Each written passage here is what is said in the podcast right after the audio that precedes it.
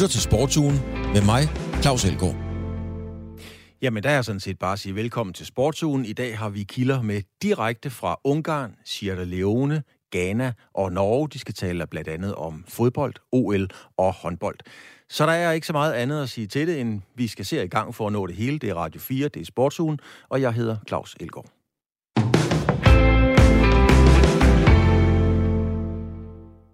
For Kierkegaard. There's that familiar stride, wide it goes, but there's no time for Emil Jakobsen.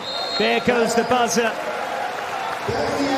10 goals, the winning margin for Nikolai Jakobsen's Denmark. They have a 100% record to finish off Group A. Lyden her var fra EHF, det europæiske håndboldforbunds officielle YouTube-kanal, og det var efterkampen mod Nordmakedonien i mandags, der endte med en 31-21 sejr til Danmark. Og man kan jo igen konstatere, at de danske håndboldherrer har optrådt som en rengøringsreklame ved EM i håndbold og fejret alt modstand af banen i et tempo og en stil, der virker mildt sagt skræmmende. I aften starter mellemrunden, så Danmark skal møde Island, Kroatien, Holland og Frankrig. Og det kan man også sige, det er the usual suspects, måske lige med undtagelse af Holland. Inden turneringen var Danmark kæmpe favoritter til at vinde guld, og nu kan jeg så spørge dig, Kenneth Thysen, du er i Budapest, og du dækker håndbold for Jyllandsposten. Er Danmarks favoritværdighed intakt, eller er den bare blevet endnu større? Jeg vil sige, at den er nok blevet øh, endnu større efter, hvad man har set de første tre kampe, og øh, den er specielt også blevet større, fordi at øh, corona, som bare blev ved med at fylde en masse øh, her til EM, endnu ikke har ramt det danske hold. Det ved man jo ikke, hvordan det går i, i det løbet af de næste 10-12 dage. Men Danmark spiller fremragende, øh, har ikke nogen skader, sådan en alvorlig karakter, er ikke ramt på corona, øh, og har fået hvile en masse, så det går da, øh, det går da glimrende for, for Nikolaj Jacobsens hold. Du har, har du taget lidt hul, øh, Kenneth, på mit næste spørgsmål. Hvad er det seneste nye, og coronaen har du øh, lagt død? Der er åbenbart ikke noget i lejren, og tak for det. Men hvad er ellers det seneste nye på skadesfronten, på humørfronten omkring lejren? Jamen, øh, det er blandt andet, at Mathias Gissel, som øh, jo er en af holdets største profiler, han er meldt klar. Han har bakset lidt med noget i, i, i maveregionen, men er klar til kamp, og der er ikke nogen, øh, som er smittet med corona, øh, hvilket er tilfældet i, i den islandske lejr. Øh, og det er jo bare et kæmpe spøgelse hernede, den, den, øh, den øh, som, som spreder sig. Øh, Island mistede i går tre af sine øh, spillere, to af dem to nøgleprofiler, en målmand og en bak. Øh, sådan groft sagt svarende til, at Niklas Landin og Mads Mensa røg ud for Danmark. Øh, så Danmark er jo gået fra at være øh, favoritter til den kamp til lige pludselig at være rigtig store favoritter, fordi man har man, har, man må undvære de to-tre spillere fra, fra det islandske landshold. Og meget på på Gissel, så øh, hans, hans tidligere, eller hans træner Krikau er med øh, efter dig, Kenneth, hvor vi taler om, øh, om Gissel, om hvad han er for en type. Danmark er jo gået i håndboldmode, og i aften vil der jo sidde 1,5-1,7 millioner tilskuere, eller se og kigge på den her kamp. Hvordan er det i, i Ungarn? Altså Ungarn er jo noget overraskende røget ud. Er det en stendød håndboldfeberen i Ungarn, hvis man ikke lige er fra Danmark? Øh, det er sådan lidt blandet. Altså Ungarn er faktisk ret godt med på håndbold, modsat mange andre europæiske lande. Øh, og den her sindssyge, flotte nye arena, man har bygget øh, her i Budapest med plads til 20.000 tilskuere. Jeg tror, alle havde håbet på, at det skulle være med, med værtsnationen med i den her mellemrunde, og Danmark skulle møde Ungarn, og vi skulle have den der fede håndboldfest med 20.000. Sådan bliver det selvfølgelig ikke, fordi Ungarn de lige glemte at gå videre. Men jeg håber da på, at der kommer en masse mennesker alligevel. Øh, nu er Budapest jo også en relativt øh, stor by, så det er jo ikke på den måde, fordi at håndbolden fylder alt i gaderne, og man ser øh, en, en masse håndbold, hvad skal man sige, glade og klare mennesker øh, i bybilledet. Øh, men jeg, jeg har svært ved at forestille mig, at det bliver stille og det bliver kedeligt i hallen, øh, selvom at der ikke kommer de her måske 20.000 mennesker. Kenneth Thyssen, når du dækker håndbolden, så gør du det jo stringent, fagligt og professionelt, uden at lade dig rive med af, af det rødhvide hjerte og, og håndboldfeberen osv. Er der noget sådan i dit øh, faglige blik, du har luret på i forhold til den danske indsats, godt som negativt? Øhm, altså det danske hold, vi er jo selvfølgelig spændt på at se, hvor, hvor, øh, hvor de stod henne, øh, især efter Rasmus Lauke, han er kommet tilbage. Øhm, han var, var jo på sit topniveau for tre år siden, da Danmark de vandt øh, VM i, i boksen i Herning. Øh, var han jo selvfølgelig en af, en af verdens bedste spillere. Så kommer han tilbage til et hold, hvor Mathias Gissel lige pludselig er trådt ind og har, har taget en kæmpe hovedrolle, og hvordan skulle de to sammen med Mikkel Hansen finde sammen i en træenighed, som skulle løfte for Danmark? Det var sådan et af de store spørgsmål inden, og det har været lidt blandet. Øh, og det er måske noget af det eneste, man kan sige som, som sådan en alvorlig negativ karakter. Fordi ellers så er alt, som det plejer med det her håndboldlandshold, Niklas Landin er god til at blive ramt af bolde. Hansen han er god til at score. Og så har de en voldsom bredde af spillere, som spiller i alverdens øh, europæiske topklubber, som på skift øh, kommer ind og leverer. Og det er jo et, et kæmpe fedt problem for Nicolai at have så enormt mange gode spillere. Så den eneste ting, det er den her problematik, hvis man overhovedet kan kalde det, omkring Rasmus Lauke, at han skal finde ind i en eller anden rolle sammen med, med nogle af de andre stjerner. Det er et øh, fantastisk udtryk. Det skal du love mig, Kenneth Thyssen, at skrive i din avis. Landin er god til at blive ramt af bolde. Det er et fantastisk smukt udtryk. Øh, jeg har personligt, Kenneth, luret lidt på vores landstræner Nikolaj Jakobsen. Øh, ham har jeg fulgt i, i rigtig mange år, interviewet ham. Jeg har også, også drukket en kop kaffe med ham i nyerne. Men når jeg ser ham, Thyssen, så virker han på mig mere selvsikker. Han fremstår mere robust end tidligere. Hvordan oplever du Nikolaj Jakobsen i den her turnering i forhold til andre? Det kan være, at jeg tager helt fejl.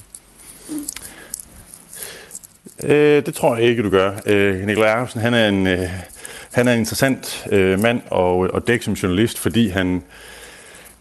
Du ved ikke altid, hvor du har Nikolaj Jacobsen inden. Også øh, uanset om Danmark har tabt eller vundet. Han kan godt komme øh, ud til, til pressen og være, være glad, selvom Danmark har tabt, hvis nu han har set nogle rigtige ting, og det var meningen med kampen, at det skulle foregå på de og de præmisser. Og så så man eksempelvis efter øh, åbningskampen, øh, som Danmark spillede for øh, en, en 10 dage siden, Øh, Øh, Danmark vinder med, var det 10-11 mål. Øh, en sløj anden halvleg øh, bevares, men fuldstændig kontrol over kampen øh, mod Montenegro i en åbningskamp, som man siger jo, der er vanskeligt, er altid svært, at man skal ind i og alle de her klichéer. Og Nikolaj kommer ud, øh, Nikolaj Jacobsen kommer ud til pressen og er jo rasende og utilfreds og sur over, at holdet manglede glød og gnist i øjnene. Der var for mange tekniske fejl. Øhm, og det, det synes jeg er et interessant øh, indblik i, øh, i hans hoved, fordi mange vil nok gå ud af, af sådan en kamp efter en tjælmål sejr og være tilfreds med øh, at være i gang med turneringen. Øh, mange spillere er kommet i gang, og man har åbnet med to point. Nikolaj Jacobsen var rasende øh, over indsatsen i anden halvleg, og jeg synes, det fortæller et billede omkring både den her, det ambitionsniveau, der er på landsholdet, og de forventninger, der er til, at det er ikke nok bare at, at vinde efter en OK-præstation. Man skal, man skal levere godt hver eneste kamp og i hver eneste halvleg. Thyssen, man plejer jo sådan at spørge om, hvad er det, der skal gå op i en højere enhed? Hvad er det, der skal til for, at Danmark øh, kan vinde? Nu, nu vender jeg den om og siger, hvad er det, der skal gå galt for, at Danmark ikke bliver europamester? Normalt så øh, vil mange nok pege på, at Niklas Sandin, han skal, han skal glemme at tage bolde. Øh, problemet for de, for de mange andre hold, det er, at Niklas Sandin, han har to gode kammerater på bænken i Jannik Gren og øh, Kevin Møller, som også er rigtig gode til at blive ramt af de der lederbolde. Og så, jeg ved godt, at Niklas Landin han er en af verdens bedste målmænd, og jeg ved også godt, at et fravær af ham vil være alvorligt for Danmark. Øh, der er bare så mange andre at tage på, på hold, altså man siger, Jannik Gren, som er tredje målmand, og øh, så, som lige nu er langt fra spilletid. Han står så stadigvæk og spiller, øh, altså spiller på, øh, på et tophold i Magdeburg, som fører den tyske Bundesliga, og står rigtig mange minutter. Så det er jo ikke fordi, at det er to øh, no-names på bænken. Men jeg vil sige, at Niklas Landins fravær vil være alvorligt. Øh, Mathias Gissel, øh, som fylder meget i et angrebsspil for Danmark, fordi han, han har et flow, og han kan sætte sin mand og, og gøre de andre gode. Skulle, det, skulle, det, øh, skulle han bøvle med den, øh, den mave der, øh, så kan det også blive et problem, og det samme Mikkel Hansen skal jo også ramme. De tre er jo altid de navne, men, men ellers så, øh, så ved du også, Claus, så er det jo en, en bred bænk at tage af. Det må man øh, sige ja til. Ken Thyssen, øh, god kamp i aften. Vi glæder os til at læse din pen, og øh, tak fordi du havde tid til at være med. Det er mig, der takker. Now against the Danes, they'll have to step things up a bit. Kiesel, nice swivel, great finish. They were running out of shots, running out of passes, but Kiesel easily Ja, lyden her er fra EHF's officielle YouTube-kanal, hvor Mathias Gissel scorer mod et mål, og det var mod Slovenien. Og man kan jo roligt sige, gissel mig her og gissel mig der, gissel mig alle vegne lige i øjeblikket. Det er nemlig svært at bevæge sig på internettet eller sappe på fjernsynet, læse aviser osv., uden at høre om den her håndboldkomet Mathias Gissel. Især i de her dage ved EM-slutrunden i håndbold i Ungarn og Slovakiet, der er det selvfølgelig ham, der præger mange af overskrifterne. Det kan godt være lidt svært at forstå, hvad det egentlig er, der gør Mathias Gissel til det, han er lige nu.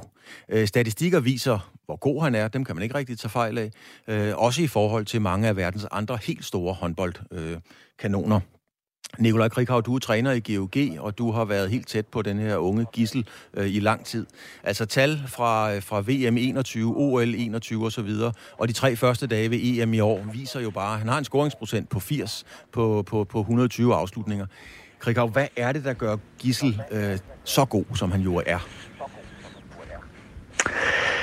Ja, men i første omgang, så skal øh, den spillestil, som Gissel har, også afkaste en stor, øh, en høj scoringsprocent. Øh, det er ikke nogen hemmelighed, at, at det jo ikke er skuddene fra distancen, som er Gissels foretrukne, og det betyder, at han, han i, i meget, meget høj grad øh, skal tæt på målmanden, og derfor skal procenten også være, være relativt høj. Men øh, de fleste vil jo rigtig gerne tæt på målmanden. Gissel er øh, bare ekstraordinært god til at sørge for at komme tæt på målmanden, forstået på den måde, at, at han især i en mod en situationerne er øh, ja, verdensklasse, er det jo øh, efterhånden ophøjet til. Øh, verdensklasse til at gå begge veje, og, og har en fantastisk fornemmelse af, øh, hvilken afstand han skal spille med til forsvaret.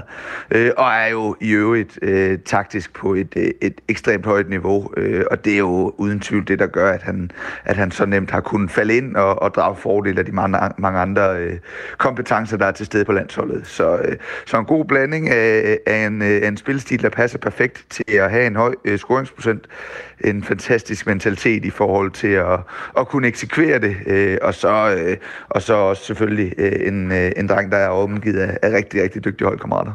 Men jeg tænker på, Krikhav, hvis, hvis, hvis man kigger på boksning, jeg elsker at drage paralleller til det, en Oscar de la Hoya, en Floyd Mayweather øh, og så videre, de kunne læse modstanderen, de kunne se, læse deres bevægelsesmønstre og sige, okay, ud til højre, ud til højre, så dykker han ned til venstre, så kommer der et hook, bang. Kan Gissel læse modstanderne på samme måde og vide, hvad de gør? Ja, i et eller andet grad. Og i hvert fald så har han sørget for at skabe sådan en, et, øh, hvad skal man sige, et produkt, hvor at de har svært ved at læse ham. Øh, så på mange måder bliver øh, situationerne på Gissels præmisser, netop fordi, som jeg sagde før, at han kan gå begge veje. Øhm, og, og det der er så, hvad skal man sige, så så fremragende ved ham, øh, er jo, at hvis man sammenligner med, med nogle af de andre dygtige duelspillere, lad os tage Jakob Holm som eksempel, som også er en fantastisk en mod indspiller, jamen der har Gissel et, et et ekstraordinært godt flow og, og fornemmelse for også at spille boldene videre. Og det er derfor, han også ligger rigtig højt på assistlisterne. Så, så det eneste sted, hvor at modstanderne øh, rigtig gerne vil, vil have Gissel hen, det er jo at, at tvinge ham til at skyde fra distancen. Og der har man bare det problem, at hvis man bakker ned øh, og, og tillader at skyde fra 6 meter, så kommer Mikkel øh, lige i røven af det, og, øh, og ham kan du ikke stå på 6 meter på. Øh, så, øh, så det er den ene del. Og den anden del er, at ja, altså Gissel har en fantastisk god øh, taktisk fornemmelse fornemmelse, og, og har jo også øh, ja, en, øh, en øh, mentalitet, der gør, at han elsker at spille de afgørende situationer. Så komponenterne, både øh, indvendigt øh, mellem de to klumper ørevoks øh, hos Gissel, er i orden. Øh, speeden er i orden, øh, og også efterhånden øh, teknikken. Så, øh, så komponenterne i forhold til at, at levere toppræstationerne, de er også til stede. Og så er jeg luret lidt på, fordi han var jo en ung mand, da han trådte ind, og han trådte jo ikke bare ind på et hold. Han trådte ind på et hold, hvor der var etableret verdensstjerner på stort set alle pladser, og virkede fuldstændig uimponeret. Det kan man jo ikke lære sådan noget. Nej, det tror jeg faktisk, du har ret i. Øh, man kan helt sikkert øh, øve sig i det, øh, og man kan da også finde nogle metoder til at, øh, at begå sig alligevel.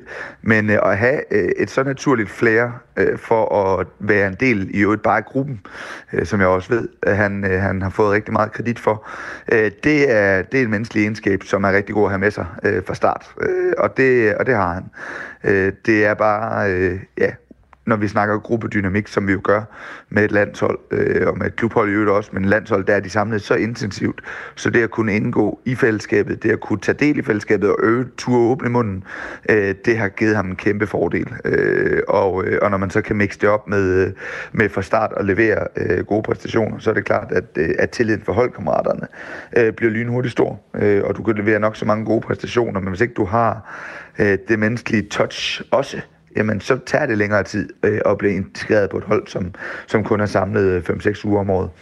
Øh, så, så, øh, så enig, og øh, ja, han har helt sikkert det med øh, øh, i hans personlige pakke. Og lige til sidst her, Krighaver, selvfølgelig har øh, drengen, hvis jeg må tillade mig at sige sådan, et øh, vinderinstinkt af, det må du gerne. af dimensioner. Nu så jeg tilfældigvis en fodboldkamp i går mellem Manchester United og, og Brentford. Ronaldo, han blev tosset. Han blev pigesur, fordi han blev skiftet ud.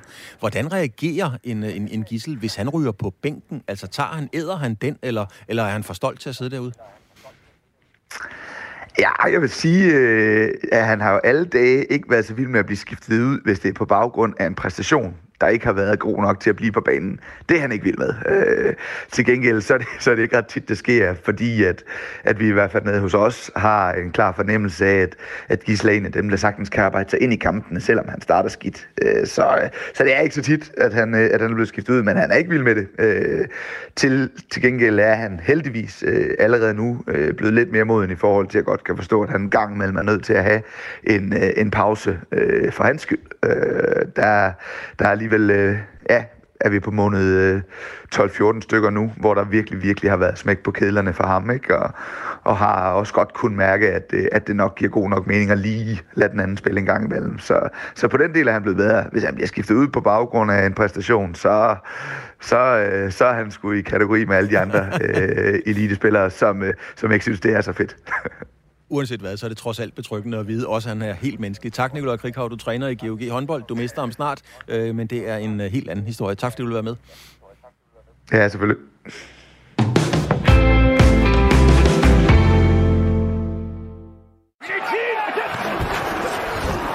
Brady keeps end zone wide open touchdown Gronkowski.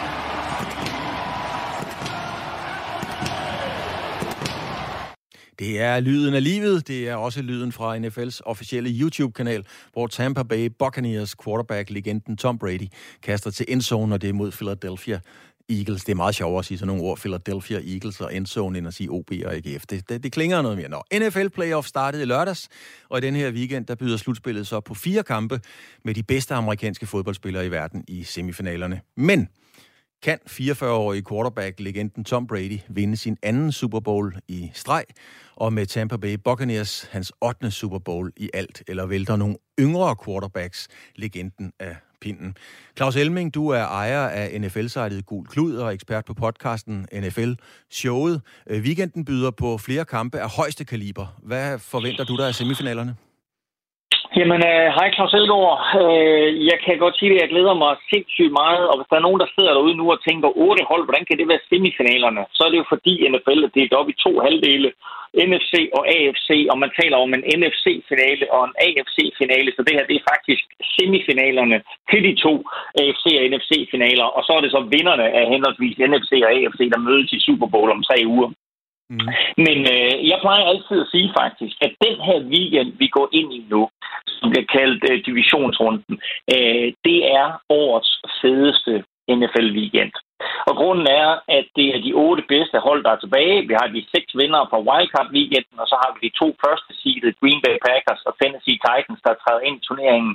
Og de fire kampe, der er matchet her i weekenden. Titans mod Bengals, Packers mod 49ers, Buccaneers mod Rams og Chiefs mod Bills. Vi kunne ikke ønske os et bedre setup. Det er fire fabelagtige kampe med potentielt meget, meget tætte kampe hele vejen rundt, men altså også masser af sjove historier, som omgiver de her fire kampe. Ja, en af historierne, det, det er jo selvfølgelig øh, den 44 år gamle øh, Brady. Han er næsten lige så gammel som dig, Elming. Nej, det er der ikke ret mange mennesker, der er. Men, men han er en voksen mand, 44 år. Hvordan kan øh, Brady stadigvæk være med i den absolute top? Vi har jo talt om det mange gange før, men Elming, jeg tænker på, er det et udtryk for, at Brady jo er once in a lifetime? Eller er det et udtryk mm. for, at der mangler noget udvikling i NFL? Nej, du altså, jeg, har, jeg har opgivet at forstå det. Øh, jeg, er blevet, jeg er blevet stillet det spørgsmål mere eller mindre siden han var 40. Øh, så, så det er fire år nu, ikke? Og på den tid, der har han vundet to Super Bowls. Han skiftede endda fra den ene halvdel til den anden halvdel sidste år, øh, og tog Buccaneers til Super Bowl og vandt Super Bowl. Så det er, det er ubegribeligt. Han er, han er en af de her ganske, ganske få atleter, som verden kommer til at tale om for evigt. Altså, vi snakker, apropos Ronaldo, som I talte om lidt tidligere, ikke? Altså, Messi, Ronaldo, Michael Jordan, Wayne Gretzky. Vi er i den der kaliber der af, af atlet. Han har jo i de sidste omkring 10 år gået meget aktivt ind i en helt specifik livsstil omkring både den måde, han sover på, den måde, han spiser på, den måde, han træner på.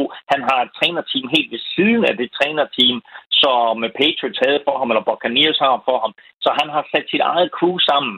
Øh, og øh, man må bare tage hatten af for ham og sige, at, og, og hans team der, og sige, at, at det han og de har præsteret sammen, det er jo helt unikt at man i så voldsom en sport, så brutal en sport, kan spille på sådan et niveau, når man er 44. For helvede, jeg er 8 år ældre, end han er.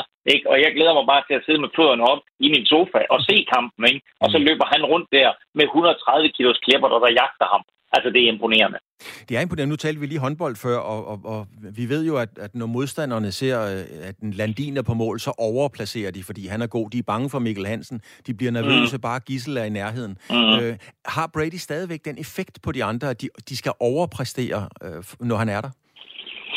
Jeg tror helt sikkert, at der er en aura omkring ham, hvor man godt er klar over, at selvom dit hold på papiret er bedre end Tom Bradys hold, så er der ingen i historien, der har præsteret bedre under pres, end Tom Brady har. Der er ingen, der har præsteret bedre, end Tom Brady har med middelmodige holdkammerater.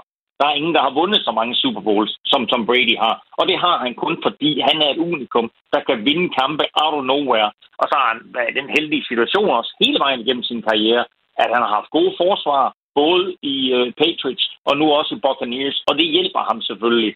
Men altså, skal man, vinde, skal man bruge 20 point for at vinde en kamp, så skaffer han der 20 point. Skal du bruge 35 point for at vinde en kamp, så skaffer han der 35 point. Øh, og det er det, der er så svært at hamle op med. Elming, vi har tidligere talt om øhm, øh, NBA, amerikansk basketball, og det skal vi ikke rydde dig ind i, selvom det ved du selvfølgelig også en masse om. Men, men der har coronasituationen jo været med til at, at type mm. favoritværdigheden til den ene og til den anden side osv. Øhm, hvem er egentlig favorit nu i kontekst med, hvor mange sidder ude og alle de omstændigheder? Jamen, NFL har egentlig øh, haft sine udfordringer med corona på et tidligt tidspunkt, og som jeg ser det nu, så er de her otte hold, der er tilbage, de er næsten coronafri.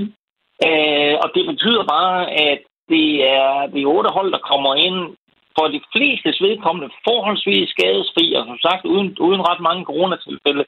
Så jeg vil jo sige, at, at et hold som Green Bay Packers med Aaron Rodgers er blandt de store favoritter. Man kan ikke afskrive et hold som Kansas City Chiefs med, med, med Patrick Mahomes som quarterback, eh, Tampa Bay Buccaneers og Tom Brady selvfølgelig. Min store favorit er dog eh, Buffalo Bills, som har den unge Josh Allen som quarterback. De så så uhyggeligt giftige ud i første runde i slutspillet i sidste weekend, at uh, de er katapulteret direkte ind som min nummer et. Claus Elming, ejer af NFL-sejlet Gul Klud og ekspert på podcasten NFL Showet. Altid en fornøjelse. Tak fordi du var med, Claus. I måde, Claus. Hej. Hej.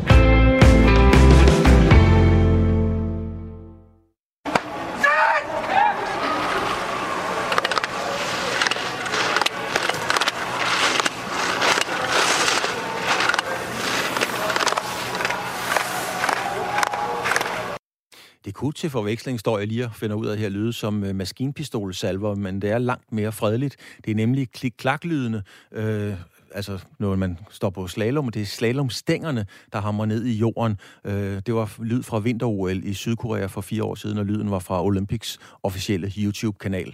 Og til vinter-OL i Beijing i februar bliver det også med den danske øh, alpine skiløber Kasper Dyrby. Han blev udtaget i mandags, og det er ikke første gang, at Dyrby skal repræsentere Danmark til de vinterolympiske lege. Han var nemlig med i Sydkorea for fire år siden og deltog i både storslalom og slalom, og her blev det til en 60. 20. plads i storslalom.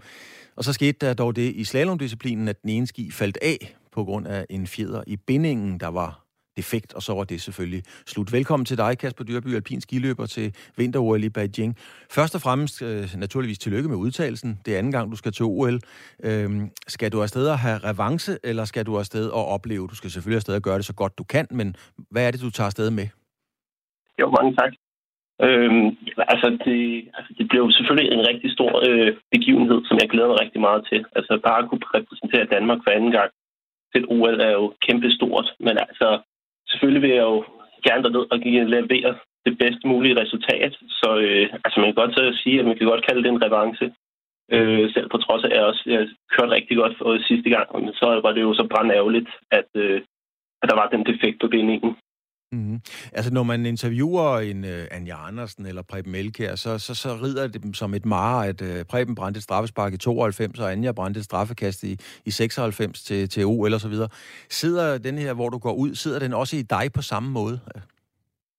Man kan sige, altså ikke, ikke på helt samme måde. Selvfølgelig var det jo som brænd og det er på den største scene, som man næsten kan forestille sig. Men altså, jeg også sige, at efterfølgende har jeg også fået taget lidt revanche ved blandt andet en 26. plads ved VM øh, sidste år i Cortina.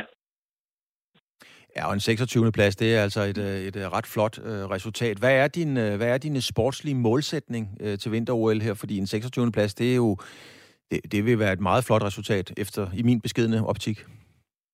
Jo, jo, altså, det, altså jeg har jo selv sagt, at øh, altså et succeskriteriet er selvfølgelig at kunne køre op til min seedning, og jeg kender ikke min seedning indtil videre, øh, fordi der er stadig nogle kvotepladser, som skal falde på plads. Øh, men altså, så har jeg jo selvfølgelig den drøm om at kunne køre ind i top 30. Øh, så altså, man kan sige, det er et ambitiøst mål, fordi man bliver målt mod de bedste nationer øh, i hele verden. Mm. Hvordan er det egentlig at skulle repræsentere Danmark? Altså, jeg mener, du, du, du spiser jo sådan billedligt talt buffet med, med, med nogle gigantiske verdensstjerner. Altså, hvor ligger man som dansker sådan i hierarkiet, hvis man er med på turen? Jo, altså selvfølgelig er der de helt store profilerede stjerner, så, og så kommer der til en, en del nationer, lidt ligesom Danmark, som ligger altså, sådan, ikke så langt derfra. Øh, og vi, altså, vi lægger også sådan en regel, når vi er trænet i alberne, øh, og træner sammen med nogle af de store stjerner ind imellem. Så altså, det er jo ikke så ualmindeligt, at man sådan omgås med dem. Men altså, de, nogle af dem de har bare lige et lille gear mere end øh, mange af sådan, øh, de nationer, som de også måler os med. Mm. Men, men bliver man sådan, ja selvfølgelig bliver du taget alvorligt, og det er slet ikke øh, hverken ironisk eller sarkastisk ment, men, men øh, man, man kender det jo fra, fra, fra tennisturen, hvis man kommer ind som nummer 671 og er med i en ATP-turnering på et wildcard osv., så, videre, så er der jo ikke ret mange, der spørger, om man vil have en kop kaffe. Altså, hvor, hvor, hvor meget opmærksomhed får du, når du er blandt, øh, blandt de der drenge der? Man kan sige, at det meste opmærksomheden går jo selvfølgelig øh, på de store stjerner. De, som kører World Cup-turen, de kender jo selvfølgelig hinanden rigtig godt, fordi de de er sådan med hinanden stort set hver weekend. Og så er der også sådan, som, hvor vi omgås med dem en gang imellem. Øh, og så, jeg vil ikke sige, at de er begyndt at få sådan mere respekt for de sådan mindre nationer, også fordi at der er flere og flere sådan, øh, yngre løbere, som netop kommer ind og laver de der fantomresultater i World Cup'en. Så det, man er begyndt at holde mere øje med dem. Så det vil ikke sige, de er ikke, sådan, de er ikke helt afskrevet øh, af lande, både som Danmark og andre sådan mindre lande, som måske ikke er helt traditionelle øh, skilande. Øh, og, og, og lige til sidst her, altså nogle fodboldspillere vil gerne have noget regnvejr, så der er våde og glatte og hurtige baner. Hvad vil du gerne have? Vil du gerne have, det sneer lidt? Vil du gerne have høj, øh, himmel, høj sol og blå himmel? Eller, eller hvad vil du egentlig gerne have, for at det ligger optimalt for dig? Man kan sige, især i slalom, så, og det er en udendørssport, så øh, baneforholdene spiller en rigtig stor rolle. Så øh, altså, jeg håber på, at vi kan få ja, sådan, høj sol og blåt vejr, og så, så hårdt underlag som overhovedet muligt. Gerne så iset som muligt, så det det er så ens for så mange løbere som muligt, for det spiller en enorm rolle for, hvordan resultatet kommer til at udvikle sig. Kasper Dyrby, alpin skiløber, du skal til vinter-OL i Beijing. Jeg vil ønske dig både en øh, fantastisk tur, en stor oplevelse og alt det bedste med det sportslige. Tak fordi du havde tid til at være med. Jo, tak fordi jeg måtte være med. Altid. Hej hej. Hej hej.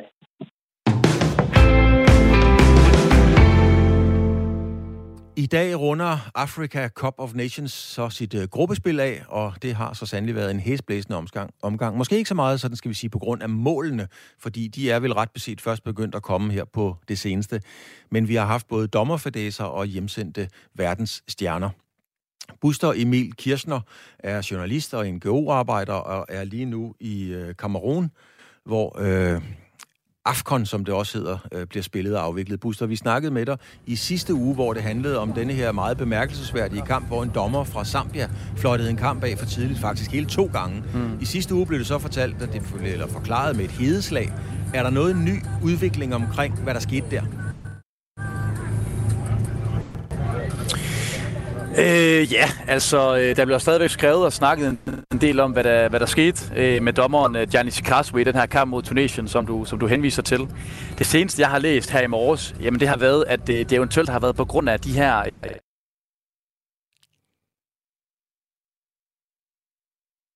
øh, vandpauser, som havde været indlagt. Det var nemlig sådan, at temperaturen i Limbo-kampen du spillet var så høj, at der skulle være vandpauser, og dommeren simpelthen har glemt at stoppe sit ur af de her vandpauser. Så han simpelthen fejlagtigt troede, at, øh, at kampen var slut efter de her første 85 minutter, hvor han blæser i fløjten første gang, og så igen efter 89 minutter, hvor han, ja, lidt er komisk, må man sige, øh, afblæser kampen for anden gang. Så, så det er sådan det seneste, at, at det har været noget helt lavpraktisk, at der simpelthen har glemt at, at stoppe uret, fordi det har været nogle, nogle atypiske vandpauser for ham.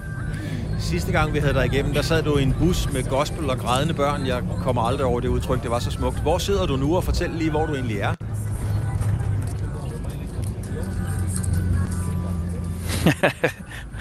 tak. Jamen, jamen øh, sjovt nok, Claus, så sidder jeg i, i selv samme bus på, på selv samme strækning mellem øh, hovedstaden Yaoundé og så den, den kommercielle hovedstad øh, Douala. Og øh, vi fræser frem og tilbage mellem de her to byer og har gjort det nu i et par ugers tid. Øh, I dag ikke så meget gospelmusik. Øh, til gengæld en chauffør, som, øh, som sætter livet på spil. Øh, folk de brokker sig over hans, øh, hans øh, høje hastighed. Øh, indtil videre så lever vi, men, øh, men det er da også lidt, lidt små heldigt, vil jeg sige. Altså, jeg kan fortælle dig, at jeg har kørt i bus i Sierra Leone, og vi skal i øvrigt have fat i Cecilie Haverberg lige om lidt. Øh, og når folk brokker sig over, at buschaufføren kører for stærkt, så kan jeg godt skrive under på, at så kører han stærkt. Anyway. Øh, Nå, du må hilse. det skal jeg gøre. I den forgangne uge har der også været overskrifter om, at Gabon har sendt øh, deres to store stjerner, øh, Aubameyang og Mario Lemina, de har sendt dem hjem. Forklaringerne har været ret forskellige. Hvad, hvad er der egentlig sket? Fordi det er svært at få et overblik mm. over herfra. Hvad er det egentlig, der er sket i Gabon? Øh, ja, jeg forstår godt, det er svært at danne et overblik. Det har det egentlig også været fra, fra pressezonen øh, på diverse stadions. Altså det, der jo først sker, det er, at hvis vi skal hoppe tilbage til, til træningslejren Gabon, de har i, øh, i Mellemøsten, inden de rejser til mesterskaberne, jamen så, så cirkulerer der videoer rundt på sociale medier af, af Arsenal-stjernen Aubameyang, som er ude at feste øh, til sent om natten, og øh, han sig så positiv ved ankomst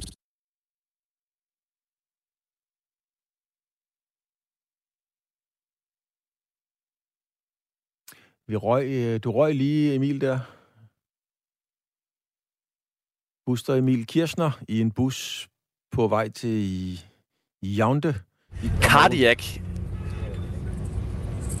Ja, bare snak videre, ja, Buster ja, det, Emil Kirchner. Det, det er lidt ligesom sidst, ja, men, det er ligesom sidst, okay. du ved, hvor vi har ja, ja, men altså, han, øh, efter sigende, så skulle det være nogle, nogle uregelmæssigheder med, med, med hjertet. Okay som, som altså gjorde, at øh, Aubameyang og, og Lemina ikke kunne, kunne, kunne spille i den anden kamp. Øh, og det har der så efterfølgende været tvivl om, om det var sandt. Altså var der egentlig de her hjerteforstyrrelser eller uregelmæssigheder i hjertet, eller var det på grund af disciplinære årsager? Øh, en gabonesisk journalist øh, turnerer med en historie om, at, at de i søndags har været i byen i Kamerun, øh, og at der har været noget håndgemæng på hotellet, og at øh, spillerne ikke er blevet set på værelset før sent om aftenen og sådan nogle ting øh, hvilket begge spillere har været ude at afvise. Øh, Limina har endda været ude og skrive en lang besked på sin Instagram-profil, hvor han øh, beskriver, at han er færdig på landsholdet. En besked, han så siden har slettet igen, øh, hvilket selvfølgelig har skabt en smule forvirring. Øh, og som, som du rigtig nok siger før, jamen, så er, er Aubameyang flået tilbage til London for, for further treatment nu her. Så altså en sag, hvor det er svært at finde hoved og hale i, hvad der sker. Øh, og, og de her rygter er altså ikke blevet bekræftet, men øh, altså om, at de har været i byen, eller at disciplinære årsager er blevet udelukket. Øh, men, men altså i stedet blevet, øh, blevet stemplet ned af, af begge spillere.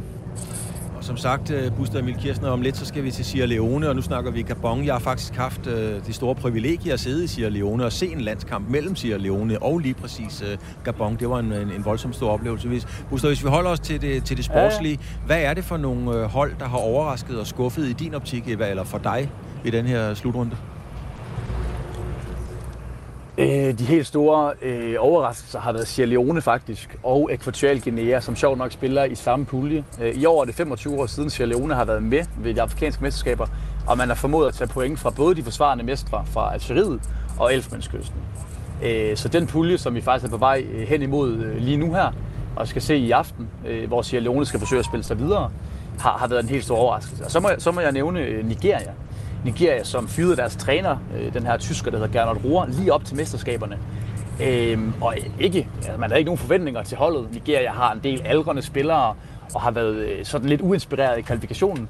Men de har altså været det eneste hold, der har gjort det rent bord og vundet alle deres kampe. Øh, vandt øh, i går aftes 2-0 over, over Guinea-Bissau og har også vundet over øh, Mohamed Salahs Ægypten.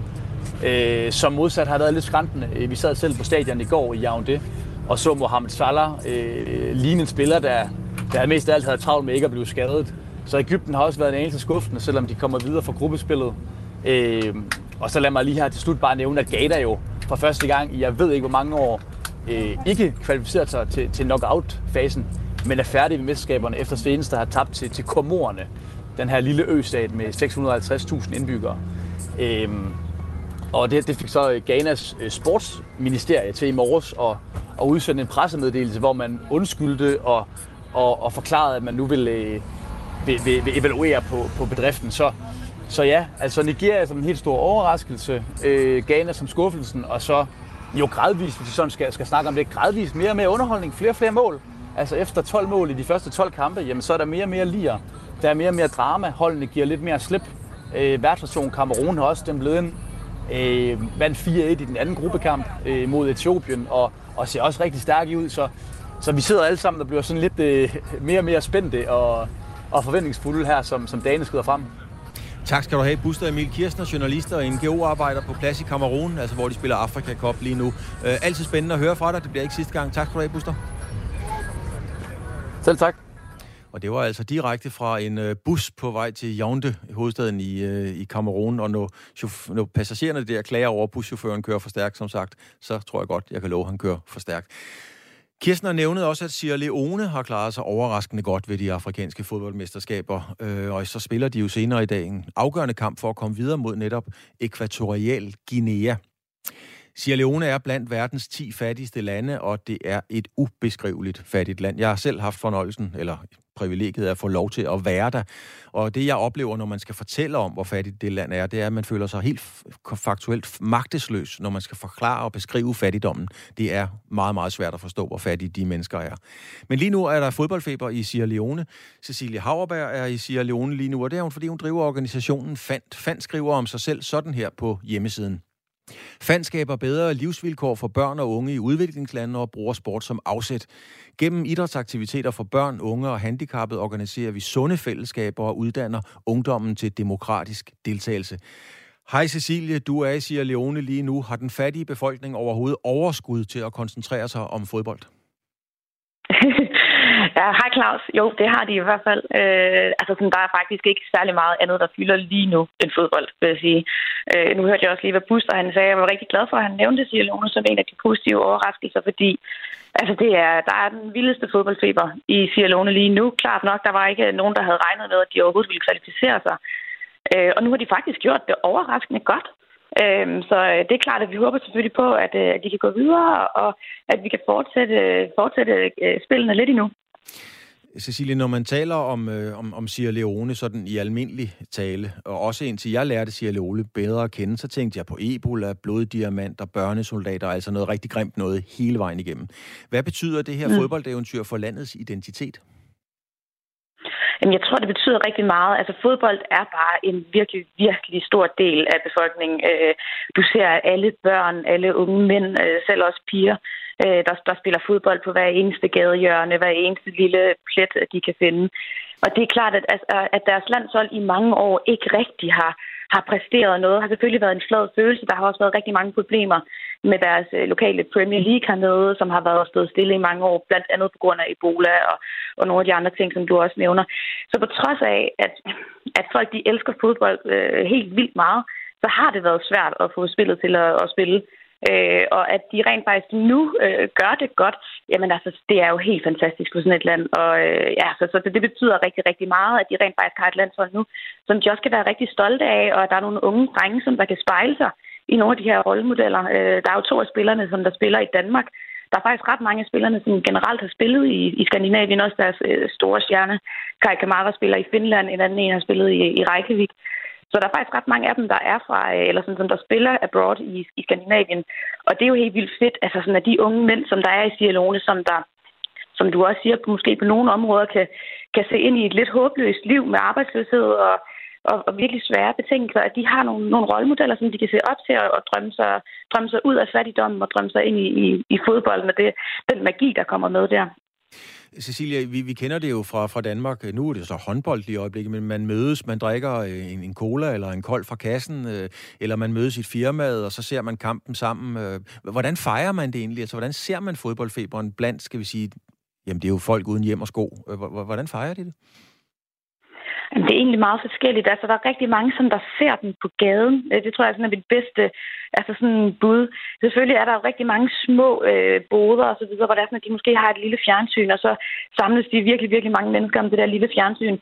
Der er også lokale biografer hernede, og altså sådan, når jeg siger biografer, det er måske et lidt misvejledende øh, billede, men, men de her biografer, det er sådan nogle telte, hvor der så er to store fjernsyn, og de viser ikke andet end fodbold, så viser de Premier League og alt muligt forskellige fodbold, og der viser de altså også de her landskampe, så betaler du måske omkring sådan noget en halv dollar for at komme ind og se den her kamp. Og det er selvfølgelig ikke alle, der har råd til det, og dem, der ikke har det, jamen de vil se den på gaden, eller se den lidt rundt omkring, der sådan, at de lige kan få snedet sig med. Øhm, jeg var på stranden i søndags, hvor de spillede mod øh, Elfenbenskysten, og altså sådan på den strandbar, der var der, der kom hele landsbyen, altså sådan små børn jo, fordi det var et af de eneste steder, som der viste den. Men lige præcis omkring fodbold, altså sådan, de vil jo gerne have, at alle skal have lov til at se det, og det var rigtig sødt at se mange af de der små børn, som der, som der, som du selv siger, bor i små blikskuer, som på ingen måde ville have mulighed for at se øh, den her fodboldkamp, eller betale for at komme ind og se den, at der er der altså stor øh, forståelse for, at de skal selvfølgelig også have lov til at se den, så man hjælper hinanden og lader, lader folk komme til.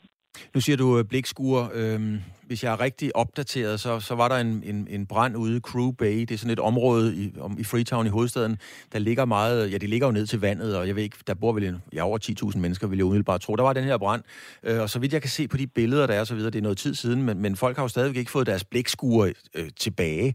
Hvordan, hvordan fejrer man det ude i Crew Bay? Er der noget at fejre der? Ja, altså sådan en crew er jo faktisk altså, øh, et af de lokale områder. Det er virkelig, virkelig et slumområde, som du selv siger. Men altså, det er et af de områder, som der faktisk producerer allerflest fodboldspillere. Du har rigtig mange af de, øh, de spillere, som der spiller i den teologiske league, som der kommer fra Crew Bay. Det er øh, virkelig, virkelig et sted, hvor fodbold betyder meget. Øh, jeg forestiller mig, at de har en hel masse små skærme sat op omkring deres fodboldbane nede i Crew Bay, og at de ser den på deres telefoner øh, alle mulige forskellige steder nede i Cuba. Øh, mange af dem tager måske også op på nogle af de bar, som der er rundt omkring inde i centrum af Freetown for at se dem. Cecilie, du har kastet dit øh, hjerte og, og meget af din sjæl, ja, det hænger uløseligt sammen, ind i det her, blandt andet sammen med den tidligere håndboldspiller Josefine Touré. Øhm, hvad gør det ved dig, når du ser den her glæde? Fordi jeg ved godt, der er meget livsglæde i Sierra Leone, men der er også rigtig meget ikke at være glad for. Ja, Jamen, altså, jeg tror jo, at det er jo også... Altså, for mig er, er fodbold jo redskabet altså sådan til, at vi ligesom kan skabe nogle forandringer for de her børn og unge, som vi arbejder sammen med. Men der er bare ikke nogen, nogen altså, tvivl om, at fodbold er bare... Det er drømmen for mange af de her børn om at, at undslippe fattigdom. Altså, de ser øh, mange af deres rollemodeller, de ser Messi, de ser de her fodboldspillere, som der tjener styrtende med penge. Og det er klart, at det drømmer de jo alle sammen om. De drømmer om at undslippe fattigdommen på en hurtig måde og have dyre biler. Og, altså sådan, og så samtidig så er det jo også bare, altså fodbold er jo også et frirum, hvor der er sådan, at de her børn og unge, som der lever et hårdt liv på rigtig mange områder og har en hård hverdag, kan få lov til at glemme det, og kan få lov til at lege og være sig selv og være i et, i et sundt fællesskab. Og det tror jeg betyder, øh, det, det betyder rigtig meget i, i et ellers hårdt liv. Og jeg tror, at for mig, som jo, altså sådan, vi dyrker jo græsrodsfodbold, vi er jo ikke professionelle. Vi, øh, altså jeg er i bund og grund ligeglad med, om der er nogle af de spillere, som vi arbejder med, som der bliver professionelle. Hvis der er det, så er det fantastisk, og det er jo en rigtig god historie, og det, det skaber et godt billede af vores organisation, men det er jo ikke det, der altså sådan, er målet med vores arbejde. Men det er klart, at når der er sådan, at der er sådan en fodboldfeber i Sierra Leone, og alle ligesom kommer sammen, så det betyder jo også rigtig meget for vores projekt. Det betyder rigtig meget for motivationen for de unge drenge til at spille fodbold og til at komme ind i de fællesskaber, i stedet for at komme ind i nogle af de lidt dårligere fællesskaber. Eksempelvis i Cuba er der rigtig mange bander. Øh, de drenge, som vi har, de går i skole, og de passer deres fodbold. Øh, de går tidligt i seng, fordi de ved, at der er morgentræning om morgenen. Øh, vi har nogle rigtig gode trænere og ledere, som der tager fat på de her drenge, hvis er sådan, de er ved at komme ud i noget skidt. Og det er klart, at når der er sådan, at Sierra Leone går hen og gør det rigtig godt i en turnering som den her, jamen så er det jo en kæmpe stor motivation for, øh, for alle de her øh, unge drenge, hvilket jo på sigt gør vores arbejde nemmere. Og lige til sidst, Cecilia, altså det er jeres trænere og ledere dernede, det er jo øh, ikoner, det er jo heldige figurer for mange af, af, de, af de fattige. Det har jeg jo selv oplevet, hvordan de bliver tiltalt. Altså, det er virkelig respekt om, øh, om, om jeres ledere. Kniver du en lille tår en gang imellem, øh, når, når, når du oplever den her succes lige i øjeblikket, der er omkring Sierra Leone? Ja, altså sådan, jeg bliver virkelig, virkelig grebet af en stemme, og det er jo, altså sådan, bare da de kvalificerede sig, jeg tror, det var i maj måned, eller, altså sådan, du ved, altså hele Sierra Leone var fuld fuldstændig grøn og hvid og blå. Øh, og alle, altså sådan, du ved, opførte sig som om, at de allerede havde vundet hele turneringen. Og altså, det er bare, det er rigtig, rigtig fedt. Og det var jo lidt det samme i sommer med, med EM i Danmark, eller sådan, at det er jo bare så fedt, når der er sådan, at, at man ligesom kan mærke en hel nation, der kommer sammen øh, og står sammen og bakker op om, om sit landshold, og og er stolte og glade og dyrker deres, øh, deres idoler. Altså, sådan, det er bare fedt, så jeg glæder mig helt vildt meget til kampen i dag. Og jeg håber selvfølgelig på, at, øh, at de gør det godt, og, og de går videre. Og hvis det er sådan, at med en lille smule held, og med, måske også en lille smule magi, så kan de jo faktisk ende med at vinde deres pulje, hvilket jo være, øh, vil være, være helt, øh, ja, helt, helt fantastisk. Men lad os se. Lad os se. Tak skal du have, Cecilie Hauerberg. Du driver altså fandt i siger Leone direkte med dernede fra. Tak fordi du har tid og mulighed for at være med. Selvfølgelig. Velkommen. I vores program Fremkaldt havde vi i mandags en snak med racerkøren Jason Watt, og her fortalte han om en ret speciel oplevelse kort efter hans motorcykeludlykke, der jo kostede ham førligheden fra brystet og ned. Og, og Jasons fortælling lød sådan her. Op med humør, kammerat mig. Ja, du er sgu som mig, men, øh, eller du er så værre stille af mig, men op med humør, det skal nok gå alt sammen. Der er en gang mellem nogen, der skriver til mig. Folk skriver om alt muligt, men den svære besked at få, mm. det er, øh, min bror er lige kørt galt i bil og har brækket nakken, ligger på hospitalet, mm. og han kommer aldrig til at gå igen. Og vi er, jeg har læst din bog. Kunne vi finde noget? Kunne du besøge ham og sige noget til ham? Så tænker jeg bare, åh nej. Fordi hvis folk har skrevet som besked, så er det allerbedste mening. Men måske har de bedt mig at komme og besøge et, et individ, som er væsentligt værre stillet, end, end jeg nogensinde har været. Hvad fanden skal jeg sige til sådan en? Skal jeg trille ind på stuen og sige, åh oh, for fanden, du kommer aldrig til at hverken bruge arme eller ben mere, nu skal du høre. Og så kan jeg give dem et foredrag. Jeg var også engang, øh, hang jeg sgu i med nejle, men, men jeg kom jo tilbage, så blev jeg racerkører, så blev jeg Danmarksmester, så fik jeg en dejlig kone og dejlige børn, og det var skide godt, det er bare roligt, kammerat, så giver jeg mig et klap på kinden, ikke? Ja. Hvad fanden skal han bruge det til? For da jeg lå på hospitalet, så min, min daværende kæreste, Majbrit, hun øh, i bedste mening fortalt med en gut, der hedder René Nielsen, og René Nielsen, han øh, var engang ude for en ulykke og mistede begge ben. Jeg kender René Nielsen, ja. halv mand, halv menneske. Lige nøjagtigt, lige nøjagtigt, det hedder hans bog. Så jeg ligger på hospitalet, jeg ligger ind på ride, og jeg kan ikke overskue noget som helst. Lige pludselig så banker det på døren, og så kommer der en eller anden halv menneske kørende ind i en kørestol. Og så siger han, velkommen i familien, Jason. Så kigger jeg på ham, og så tænker jeg, Af for helvede. Ej, jeg er kraftet ikke i familie med dig der. Nej. Og så siger han til mig, dit liv fremadrettet, det vil være noget helt andet. Mm. Og man kan ikke sådan, og man kan ikke sådan, og man kan ikke sådan, det er fuldstændig ret i. Og alt imens han, han holder sin motiverende snak for mig, kigger jeg bare på ham og tænker, nej, nej, nej, nej, nej. Der var ikke noget vej med René. Der var ikke noget vej med Majbets hensigter. Men jeg var slet ikke klar til det der. Nej. Jeg, jeg, jeg, jeg havde slet ikke accepteret min situation. Det kunne jeg slet ikke bruge til noget. Intet. Så når jeg får den slags henvendelse, så tænker jeg også, jeg skal ikke være den, der ruller ind på stuen til en eller anden marker og siger, op med humør, kammerat. Man. Ja, du er sgu som mig, men, øh, eller du er så værre stille af mig. Men op med humør, det skal nok gå alt sammen. Det jeg svarer folk, det er, I skal spørge først. Jeg skal ikke være surprised, da der er gæsten, der kommer ind i døren. Nej. I skal spørge vedkommende, om de har lyst til at møde mig. Og rent faktisk, så får jeg man jo tit svar tilbage. Det skal nok vente lidt, det er ikke lige nu. Og det, og, og det, vidste jeg jo, det vidste jeg jo lang tid forvejen. Skæbnen ville det faktisk sådan, at selv samme René, René Nielsen øh, svarede Jason Watt med en ret øh, smuk besked over de sociale medier. Øhm, og vi besluttede os simpelthen for at ringe til René Nielsen for, at, for ham til at uddybe sine refleksioner omkring den her hændelse. I forhold til, til det her med at, øhm, at tilbyde sin hjælp øh, på det rigtige eller det forkerte tidspunkt, så øhm, bliver jeg spurgt af Jason Watts daværende kone, da han er kommet til skade på hospitalet, om jeg har lyst til at komme ind og snakke med ham, ligesom for at give ham lidt, øh, lidt begejstring og glæde igen. Jeg er selv øh, kørselsbruger og har mistet væk mine ben og tænkt, jamen det er vel sådan noget, man gør. Så jeg tager, øh, hvad kan man sige, lidt spændt, øh, fordi Jason er jo et øh, kendt øh, ansigt, sådan idrætsmæssigt. Og øh, jeg tager spændt ind på hospitalet, og så tænker jeg, nu går jeg ind, og så skal jeg nok øh, vise ham den verden, som han tilhører. Og jeg forklarer ham lidt, at, at nu er vi i samme båd, og jeg kan hjælpe ham med forskellige ting. Og jeg kan godt se på hans ansigtsudtryk, at han er fuldstændig ligeglad med mig. Jeg tror heller ikke, han lytter. Øhm, det er jo for lang tid siden. Det var lige da det skete for Jason. Øhm, det, der sker for mig efterfølgende, det er, at jeg kommer til at reflektere lidt over min, øh, hvad kan man sige, min gavmildhed og mit bløde hjerte. Og tænke, hvorfor sagde jeg egentlig ja til det? Øhm, det var jo helt forkert det var ikke Jason, der havde bedt øh, om, at jeg kom ind til Jason. Det var hans kæreste eller kone, hvad hun nu var på det tidspunkt. Og det var hendes behov, det var ikke Jasons behov. Så jeg skulle selvfølgelig have sagt nej, og sagt, at hvis Jason spørger, om jeg kan komme ind og hjælpe ham, så er det jo en helt anden situation, for så er det ham, der har spurgt om hjælp. Og, øhm, og det bruger jeg i mit virke nu. Jeg er mentaltræner for fodboldspillere, og jeg peger ikke på nogen fodboldspillere, der har brug for hjælp. De skal komme hen til mig og sige, nu er der noget, som vi skal snakke om, og så, så snakker vi om det.